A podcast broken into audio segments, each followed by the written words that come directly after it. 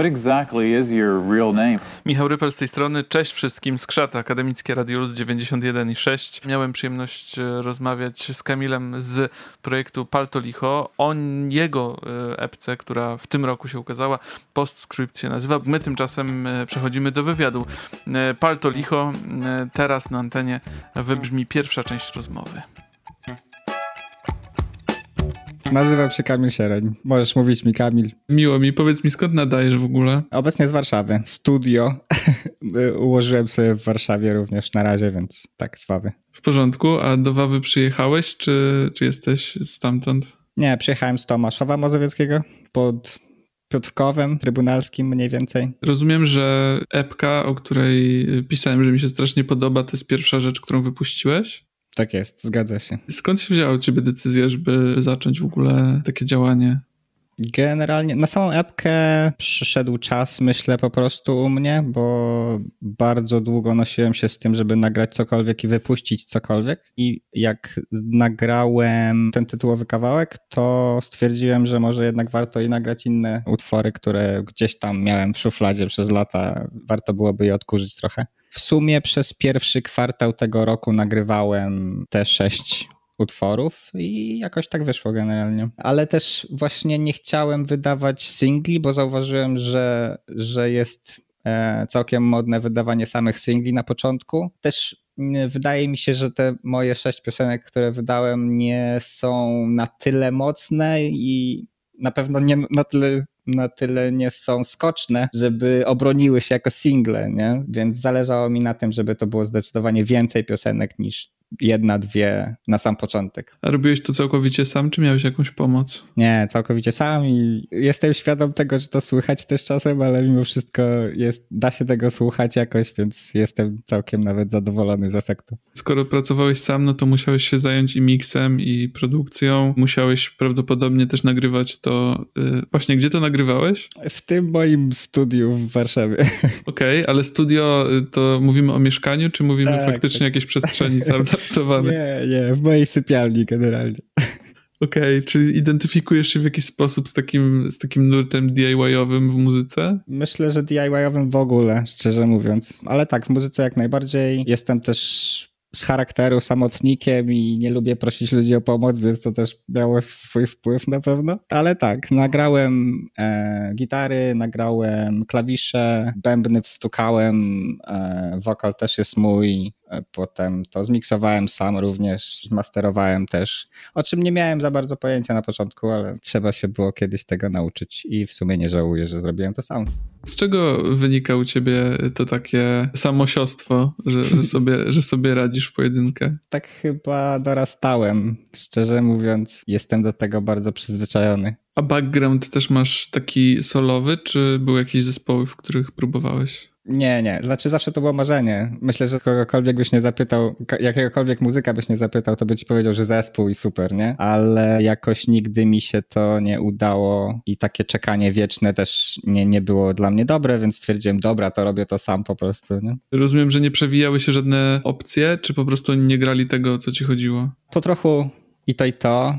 E, szczerze mówiąc, jakby gdzieś, gdzieś wśród znajomych miałem muzyków na pewno, e, ale jakoś nie było nam po drodze i grali zupełnie inne rzeczy niż ja bym sobie to, nie wiem, wymarzył powiedzmy. Nie skleiło nam się nigdy, więc życie. Wspominałeś o tym, że, że Postscript to jest mini album, który powstawał w tym roku, czyli te piosenki, one były też pisane w tym roku. To jest w miarę świeża rzecz? Nie, nie, nie, absolutnie. Właśnie wracając do, tego, do tej szuflady i odkurzania tych utworów, to najstarszy powstał 2017, kilka lat temu. Najnowszy był z marca tego roku, tak? Ale to dosłownie jeden utwór. Jak się pracuje nad takimi utworami z brodą? No bo ja rozumiem, że jakby podejście do nich się mocno zmienia chyba. Wiesz co, w tym momencie jakby emocjonalnie są dalekie, mogę to na pewno stwierdzić, ale takie pokłosie tego wszystkiego zostaje z tobą mimo wszystko.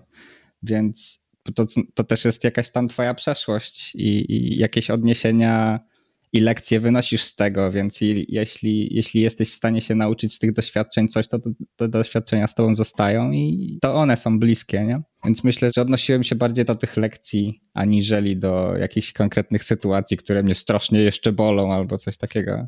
Skoro mamy tam utwory z bardzo różnych okresów w twoim życiu, to mm, też myślę o tym, jakbyś określił w ogóle charakter tego, tego albumu, czyli z czym ty go utożsamiasz, co on dla ciebie oznacza teraz? Teraz dla mnie znaczy wyłącznie to, że moja muzyka jest gdzieś w świecie, co, co było zawsze czymś, do czego dążyłem, ale zawsze było mi to jakoś tam nie po drodze. Takie małe spełnienie marzeń, albo małe spełnienie małego marzenia, bo to tylko epka i debiut i tak dalej, więc, więc tak. Miałeś takie momenty, że, że na przykład dzieliłeś się z znajomymi, na przykład nagraniami czy coś takiego? Tak, ale bez sukcesów generalnie i, i to były też takie rzeczy, które, na których się uczyłem, e, bo produkuję na Abletonie akurat, więc to były takie rzeczy, których się jeszcze uczyłem na Abletonie i, i no, były słabe po prostu. Więc tak, ale tak, dzieliłem się tyle, co mogłem, nawet e, szkicami. To znaczy, zawsze było mi to bliskie i zawsze było mi bliskie dzielenie się tym z bliskimi. Bardzo mnie interesuje styluwa, którą sobie obrałeś. Takim najbardziej charakterystycznym elementem tego wszystkiego dla mnie jest taki impresjonizm w tym wszystkim, że to jest mimo trochę takiej akustycznej formuły, bardzo rozmyte i twój wokal jest w ogóle dość ukryty, jakby gdzieś tam bardzo głęboko.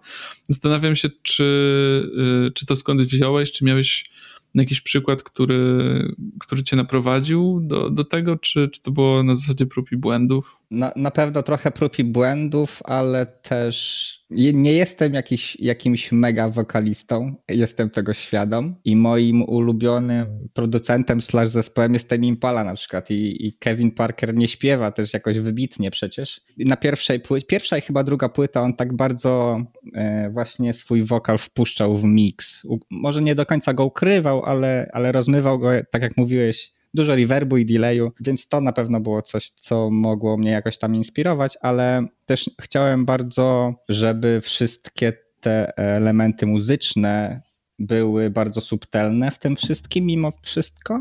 Tym mój wokal jakby. Dlatego śmiałem się niedawno z, z trzeciego kawałka z tej epki, gdzie moja dziewczyna powiedziała mi, że y, ciężko tam cokolwiek zrozumieć, co ja tam śpiewam i tak dalej. Zgodzę się.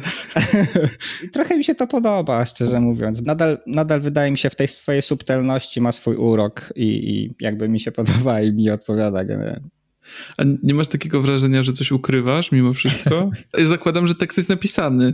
Tak, jest napisany. E, jest e, dostępny na Bandcampie, wiesz, jakby nie ukrywam nic, szczerze mówiąc. E, można sobie te teksty przeczytać, nie? Ważny jest odbiór, myślę po prostu, nie? Do każdego trafiają różne rzeczy. Czyli traktujesz głos bardziej jako instrument? Zdecydowanie, tak.